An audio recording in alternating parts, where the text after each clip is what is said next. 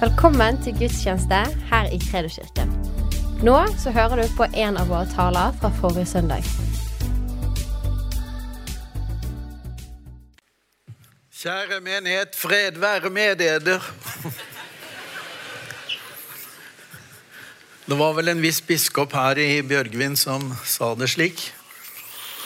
Eh, ja, min oldefar gikk inn i tenårene da Hauge døde. Hva? Er du så gammel, Alf? Ja, ja, så gammel er jeg. Det er noen fordeler med å være gammel, i hvert fall én. Og det er at du ikke bare har et øyeblikksbilde av den kulturen du er en del av, men du har kunnet se en utvikling. Eller så er det jo stas å komme til Bergen, da. Det var i hvert fall fint vær her i går.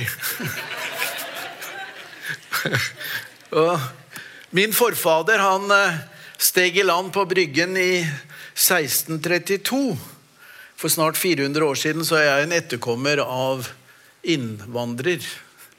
Så er det sagt. Halleluja. Far i himmelen, vi bare priser deg i, i dag. Du er god. Det er bare du som er god. Hele tiden. Imot alle. Over deg, sier du i Skriften, er Guds godhet så fremt vi holder fast ved Hans godhet. Og vi holder fast ved din godhet og proklamerer det frimodig hver dag. Og vi bader oss i din kjærlighet og din nåde. I Jesu navn. Og så hjelper du gamle Alf. Amen. Halleluja. Det er herlig. Nå er jeg en mann, og det er jeg ikke i tvil om. Det er også positivt. Og jeg er en far. Jeg er bestefar. Jeg har tolv barnebarn. Og da har jeg lyst til å begynne med å, å lese fra Salme 78. Eh, hvor vi fedre har en sterk oppfordring fra vers 3. Salme 78, vers 3. Det vi har hørt og vet, det våre fedre har fortalt oss, det vil vi ikke skjule for deres barn. For den kommende slekt vil vi kunngjøre Herrens pris og hans styrke, og de undergjerninger han har gjort. Han har reist et vitnesbyrd i Jakob og satt en lov i Israel, som han bød våre fedre å kunngjøre for sine barn. Slik skulle de sette sitt håp til Gud og ikke glemme Guds gjerninger, men holde hans bud. De skulle ikke bli som sine fedre, en oppsetsig og gjenstridig slekt en slekt som ikke gjorde hjertet fast, og som ikke var trofast mot Gud i sin hånd. Ja vel? Da har vi fått oppfordringen helt til starten her. At vi fedre, vi er holdt spesielt ansvarlig for å sørge for at våre barn og våre etterkommere lærer seg hva Guds ord sier. Gud har følelser. Det kan være noen som blir litt overrasket over det. Gud er en person. Og det er grunnen for at vi er personligheter, og at vi kan ha personlige relasjoner. Og han ønsker at vi fremfor alt og alle kan ha en levende relasjon til ham.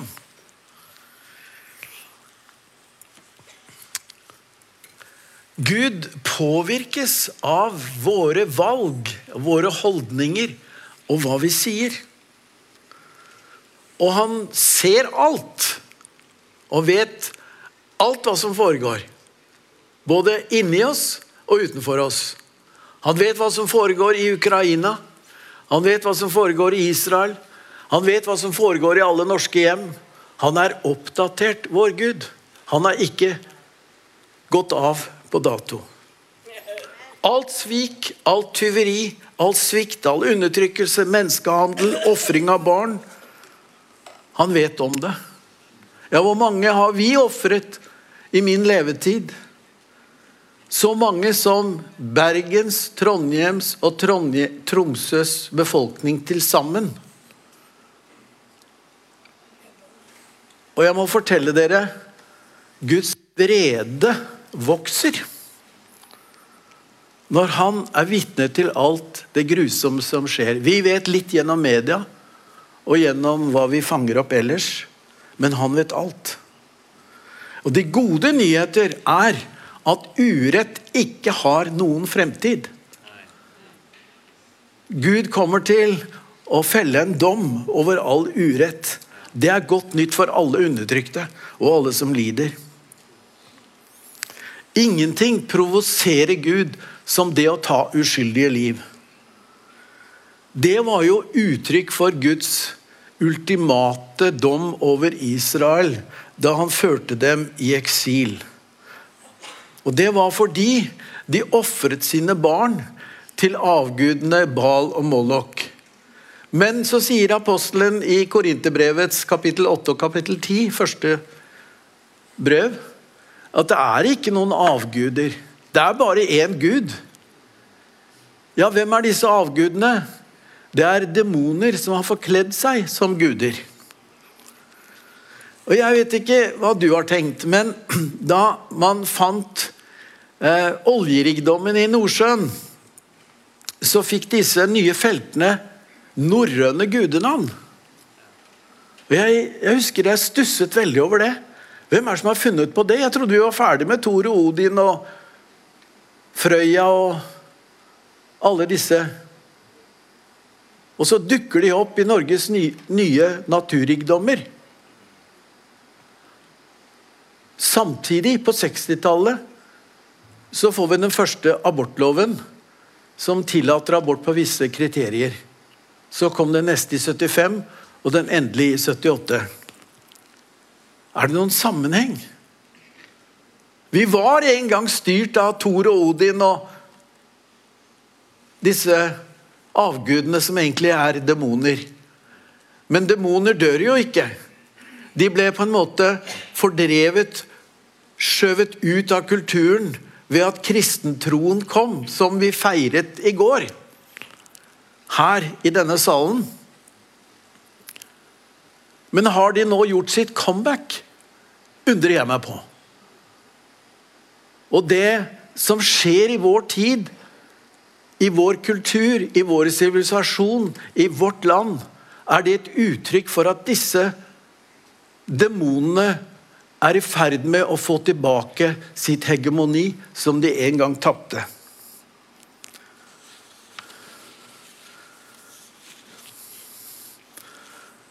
Jeg tilhører den såkalte 68-hjerne-generasjonen. Det var eh, til nå kanskje den mest destruktive generasjonen vi har sett i dette landet siden kristendommen kom hit. Tragisk nok. I Paris i mai 1968 så demonstrerte studentene i gatene, og vet du hva de sang? Les démons sont dans la rue. Demonene er på gaten. Jeg tror ikke de helt skjønte hva de sang. Marx hadde inntatt akademia, der jeg har tilbrakt åtte år, og skrev en avhandling kontra Marx. En av mine sensorer var ikke bare marxist, han var stalinist. Og jeg brukte Haugevekkelsen som et bevis på at Marx tok feil. At evangeliet er en overlegen kraft til sosial endring uten blodsutgytelse, som har fulgt Marx' ideer. Astarte, den tredje i denne mørke treenigheten i Israel, som vi leser om i vår bibel det var en transgudinne. Interessant nok. Og hennes tempeltjenere var menn som var forkledd som kvinner og opptrådte som kvinner. Og hun selv kunne også opptre både som mann og som kvinne. Er denne transideologien som nå plutselig har kommet frem i offentligheten, nettopp også et uttrykk for at det er de gamle demonene som ble fortrengt, som nå er i ferd med å gjøre sitt comeback. Ehm, hun som nå er kulturminister i Norge, hun har skrevet en bok sammen med Bård Nyland, som har vært leder for FRI, organisasjonen FRI. Og det er en bok hvor undertittelen er slik Homo. For deg som er, lurer på om du er eller har lyst til å bli homo. Eller for deg som bare lurer på hvordan disse homogreiene funker. Den kom ut i 2017. Der har du oppskriften for det vi leser om i avisene i dag. Det er nesten så ille at det ikke går an å sitere fra en talerstol det hun gir seg ut for å si. Men vi kunne spørre hvordan begynner egentlig forfallet?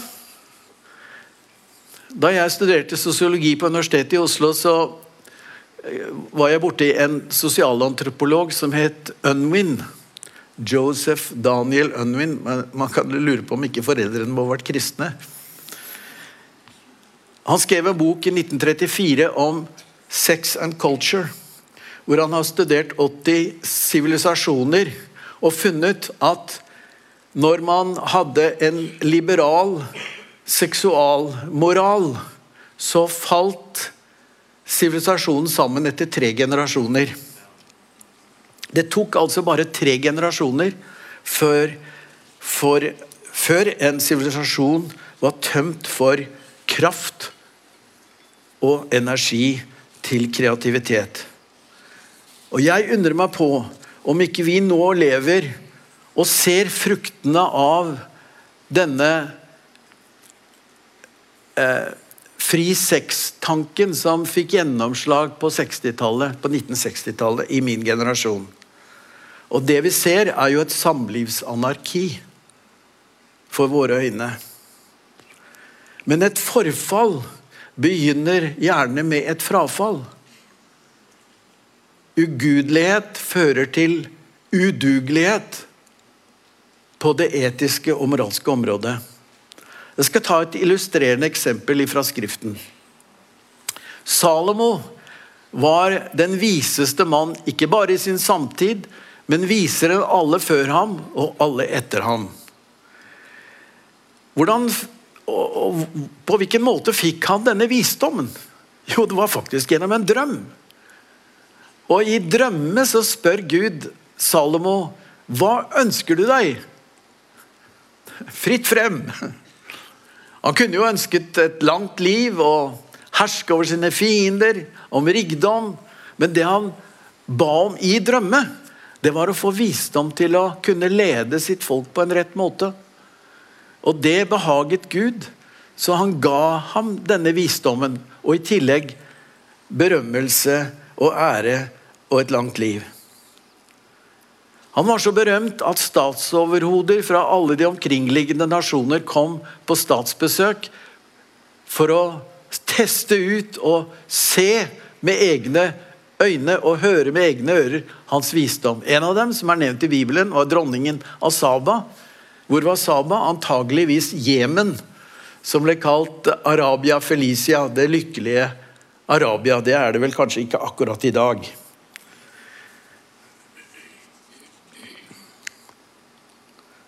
Men Salomo falt fra Herren. Hvordan kunne det skje? Moses hadde sagt i 5. Mosebok kapittel 17 at det var spesielt tre ting som kongen måtte vokte seg for når Israel fikk en konge. Og De tre tingene det var for det første å ikke hente mange hester fra Egypt, ikke samle seg masse gull og sølv, Og sist, men ikke minst, ikke ta så mange hustruer. Jeg må vel tro at han kanskje har hatt verdensrekord når det gjelder hustruer. Han hadde 700 av fyrstelig rang og 300 medhustruer. Jeg lurer på om han husker navnene på alle sammen. Hva ble så årsaken til frafallet?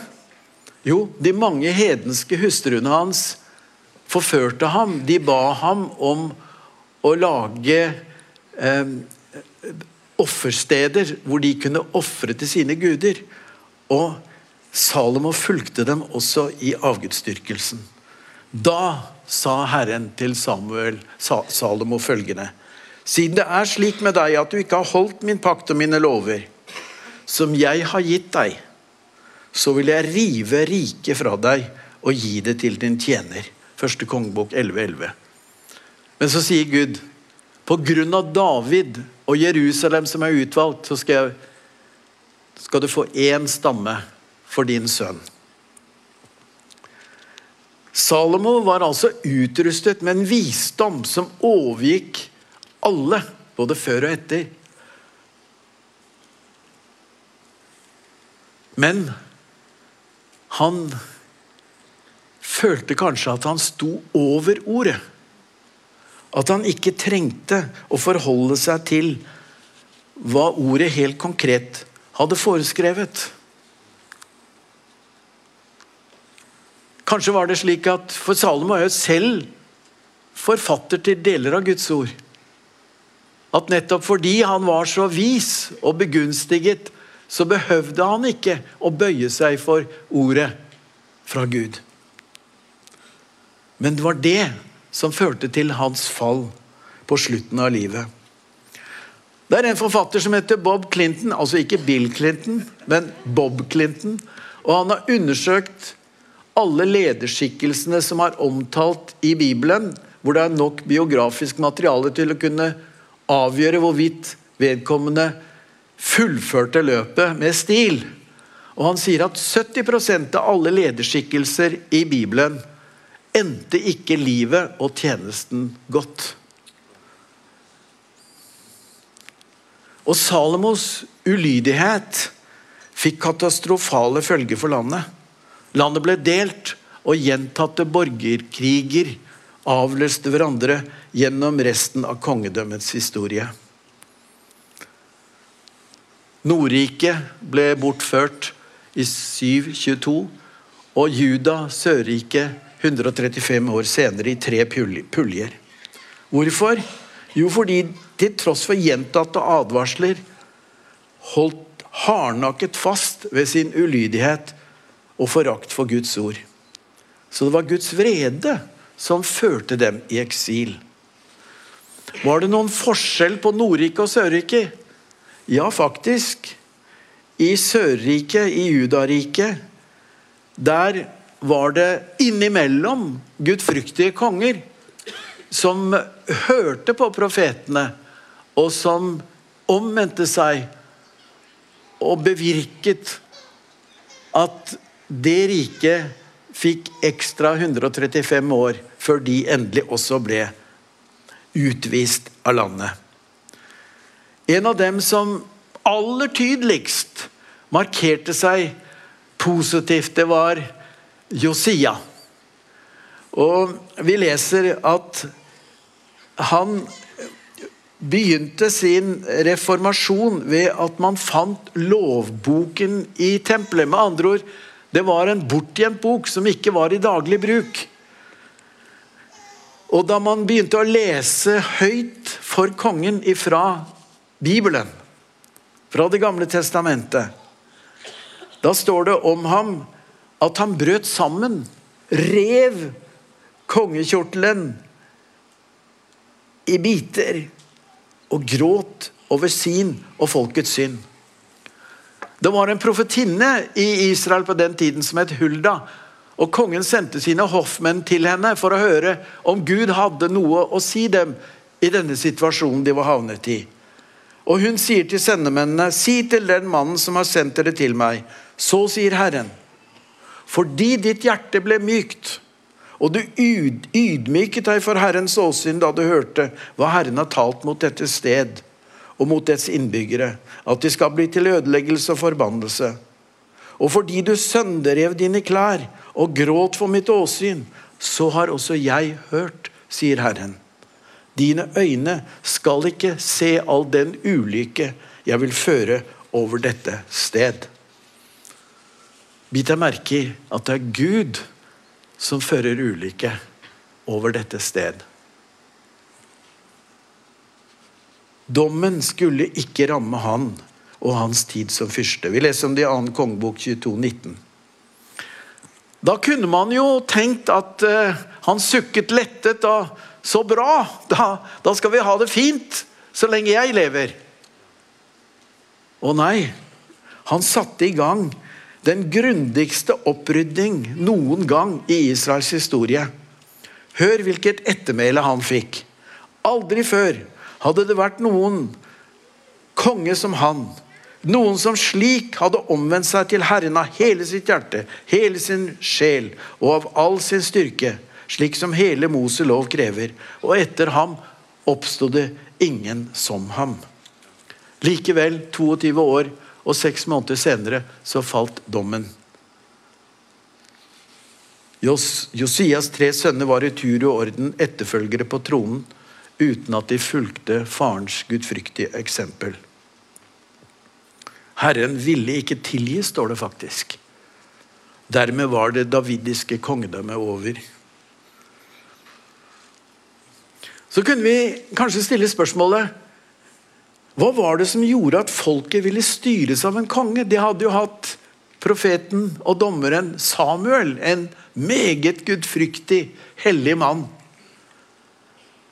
De krevde at Samuel skulle gi dem en konge.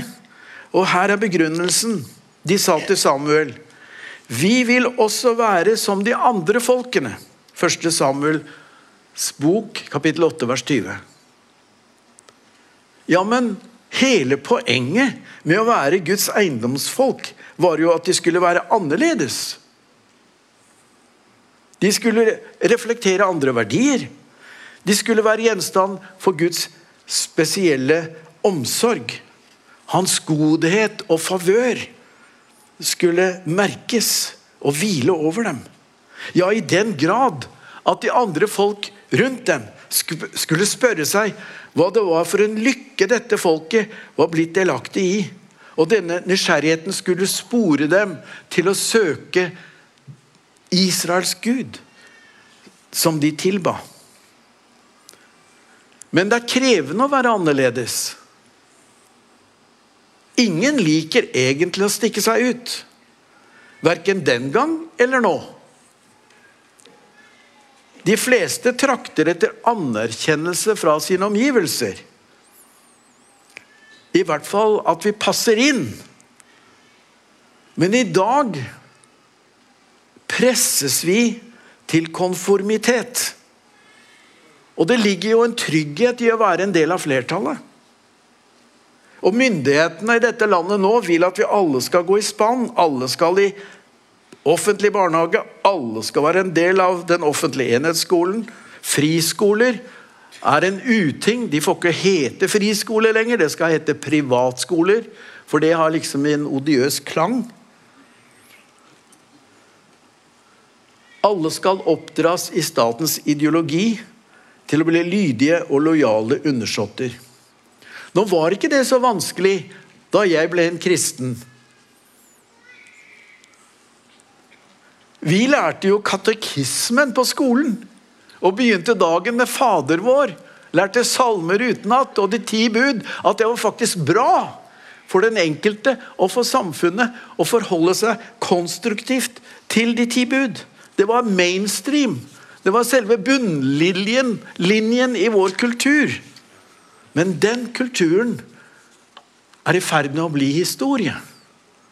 Den er byttet ut med en ny ideologi, uten at de fleste kanskje er helt bevisst at det har skjedd et skifte.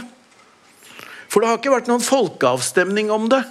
Det har ikke vært noen stortingsbeslutning om det. Det har ikke vært noe veldig offentlig ordskifte om det. Myndigheten har gradvis introdusert den nye ideologien som etter hvert har overtatt hegemoniet som Norges offisielle syn. Det er nok å nevne Rosa kompetanse, Foreningen FRI, de årevise Pride-parader, som interessant nok skjedde og skjer i juni måned, som var Astartes måned. Hun hadde parader. Det står ikke noe om det i Bibelen, men eh, de som har forsket på det, kan fortelle oss det. Regnbueflagget er symbolet. Når bispemøtet hadde møte, bispekollegiet hadde møte, så dekket de korset med regnbueflagget. Det er først når en uroes nok over trykket i denne kulturen mot oss som kristne, og tar til gjenmæle mot, mot ideologien, at en merker hatet og fiendskapet for alvor. Så lenge man dukker og ikke markerer seg, så kan de fleste fortsatt fungere noenlunde friksjonsfritt i jobb og fritid. For noen få år siden, jeg tror det var 2019, så tok lagsbevegelsen Norges kristelige student- og skoleungdomslag en undersøkelse blant kristne studenter hvordan de forholdt seg med troen sin på studiestedet. Det var nedslående det de fant. 90% gjorde ingen forsøk på å formidle sin tro til sine omgivelser.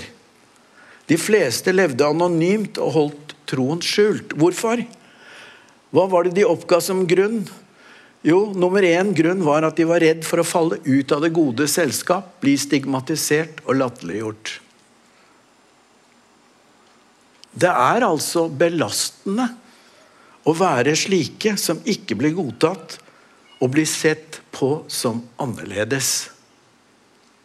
Men er ikke vi et annerledes folk?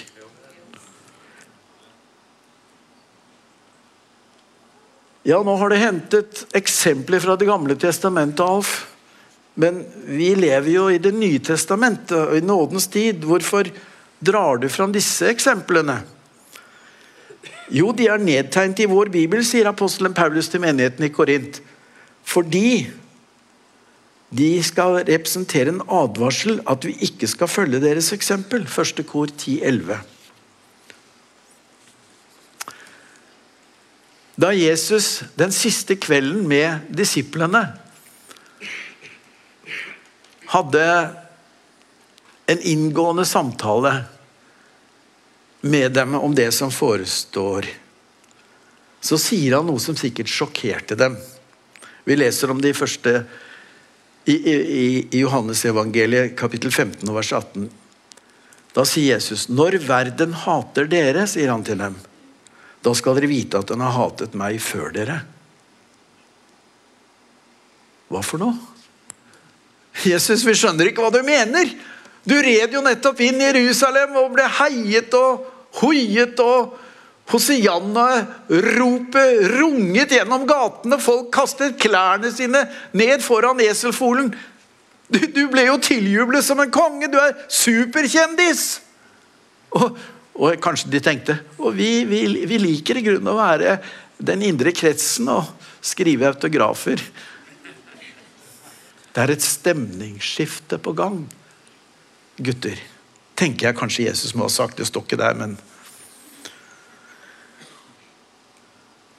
Og så forklarer Jesus for dem. Hvis dere var av verden, da ville verden elske sitt eget. Men fordi dere ikke er av verden, men jeg har utvalgt dere av verden, derfor hater verden dere. Å ja. Og så sier han videre, har de forfulgt meg? Så skal de forfølge dere. Hvorfor sier du det nå, Jesus? Jo, han begrunner det med det han sier i det første verset i det 16. kapittel. Dette har jeg sagt til dere for at dere ikke skal ta anstøt. Slik står det i den gamle oversettelsen. Anstøt det skjønner vi jo ikke. Det er et ord som er gått ut av norsk språkbruk. Men hva betyr det? Det greske ordet er skandalon. Hva var et skandalon? Jo, det var en pinne med et åte for å lokke dyr i en felle. Så hvorfor sier Jesus det nå? Jo, for å hindre at de går i en felle og blir overrumplet og taper troen. At de skulle falle fra. Fordi de ble så rystet over noe Jesus ikke hadde informert dem om. Så advarselen var uttrykk for Jesu omsorg for sine nære disipler. Dere husker kanskje ved en tidligere anledning at Jesus sa til brødrene sine før de var kommet til tro på at han var Messias Verden kan ikke hate dere, sier han henvendt til brødrene sine. Men meg hater de, fordi jeg vitner om at dens gjerninger er onde. Johannes 7, 7. Og når det gjelder denne tidsalders avslutning, er Jesus krystallklar for hva som venter hans disipler. Dere skal hates av alle folkeslag for mitt navns skyld. Matteus 24, 9. Alle folkeslag? Ja, alle folkeslag. Og det er ikke først og fremst oss at vi kristne er slemme, dumme og onde. Selv om noen av oss gjør brølere fra tid til annen. Nei, det er på grunn av Han. Vi er forbundet med Ham.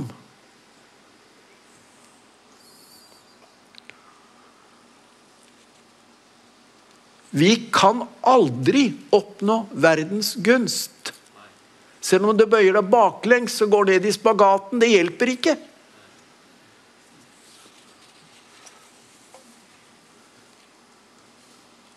Ja, men Nei. Apostelen Paulus sier til menigheten i Galatia hvis jeg prøvde å være mennesker til laks, da var jeg ikke Kristi tjener. Ok. Da er ikke det målet. Å bli anerkjent, akseptert, kan aldri være det for en Kristi Jesu tjener.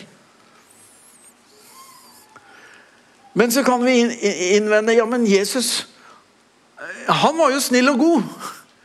Peter sier jo faktisk første gang får anledning til å tale til hedninger i hjemmet til en romersk offiser, så sier han han var bare god og gikk omkring og gjorde vel og helbredet alle dem som var undertrykket av djevelen. Apostlerne 1038. Nettopp! Undertrykket av djevelen. Der har vi det. Det var løsenordet som forklarer det hele. Paulus kaller ham jo i 2. kor 4.4 for 'denne verdens gud'. Vi tilhører et motsatt rike. Guds rike. Det er to riker. Enten er du en del av verdens rike, eller så er du en del av Guds rike. Det er Sverige eller Norge. Altså Jeg har en svensk kone. Halleluja. If you can't beat them, join them. Eh, men altså Undertrykket av djevelen, ja. Hva sa Jesus om denne verdens Gud. Han er en tyv, sa han. Johannes 10, 10 så sier han tyven kommer bare for å stjele, myrde og ødelegge. Ok, Han er sjefen for de dårlige nyheter. Han er en løgner og løgnens far, sa Jesus videre. Så hva er det han driver med? Han forfører og forfølger. Alle han anser som en trussel for sitt rike. Og hvem er trussel for hans rike? Det er du og jeg. Så fremt vi hører til i Guds rike, som er i konfrontasjon med denne verdens rike.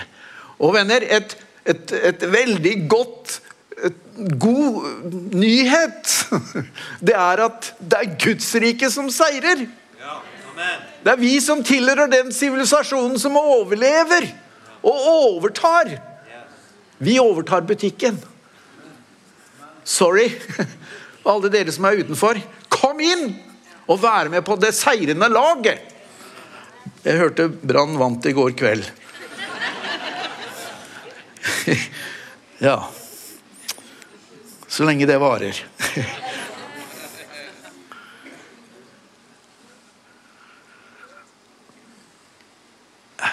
Jeg vet ikke om dette er et trøstens ord til deg, men denne dramatikken, den avtar ikke. Den intensiveres når vi nærmer oss den dramatiske avslutningen på historien. Så hva skal vi gjøre? Skal vi nøye oss med å snakke bare hyggelig om Jesus og alt det gode han fører med seg om han, om du lar han toge inn i livet ditt? Ja, det skal vi sannelig gjøre. Men er det alt vi skal si?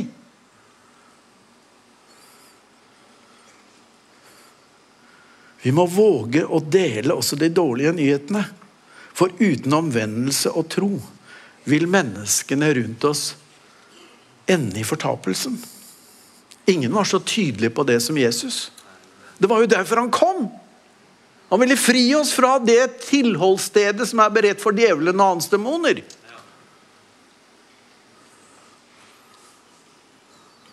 Han kom ikke for sin egen skyld.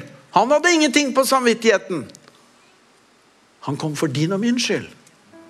For å ta bort det som var på vår samvittighet og tynget oss. Jeg er gått ut på dato. Nei.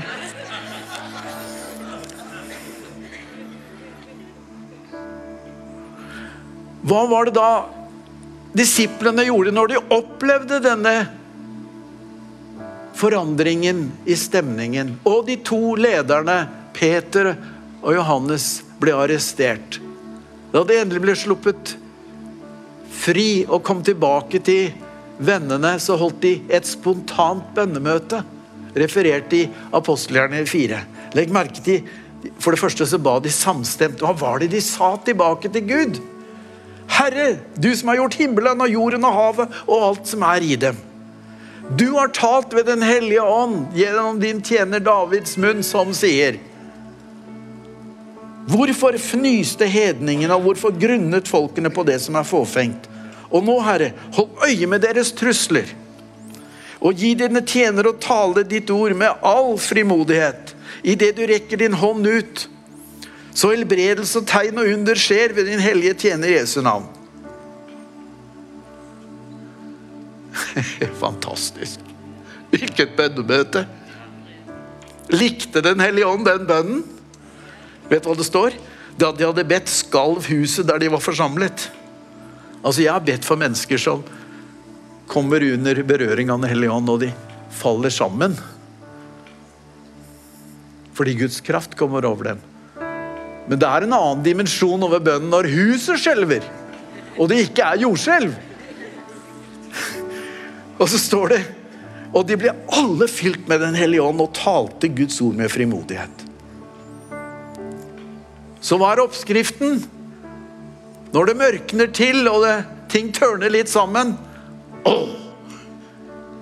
Da kommer vi til å oppleve noe av det sterkeste og herligste mens vi ennå er her på denne kloden. Så det er ikke tid for oss å gå stille i dørene og tone ned. Ja, lyktes de første kristne med sin offensive holdning? Ja, men her sitter vi i Kredo-kirken 2000 år senere og tror på den Jesus de proklamerte. Det var jo ikke feilslått. Kan vi få et lite halleluja på den der? Ah. Skal vi justere budskapet som vi er satt til å formidle? Er det nå slik at det er nødvendig å korrigere synet på kjønn og samliv? Slik at vi skal bli sett på som forståelsesfulle mennesker?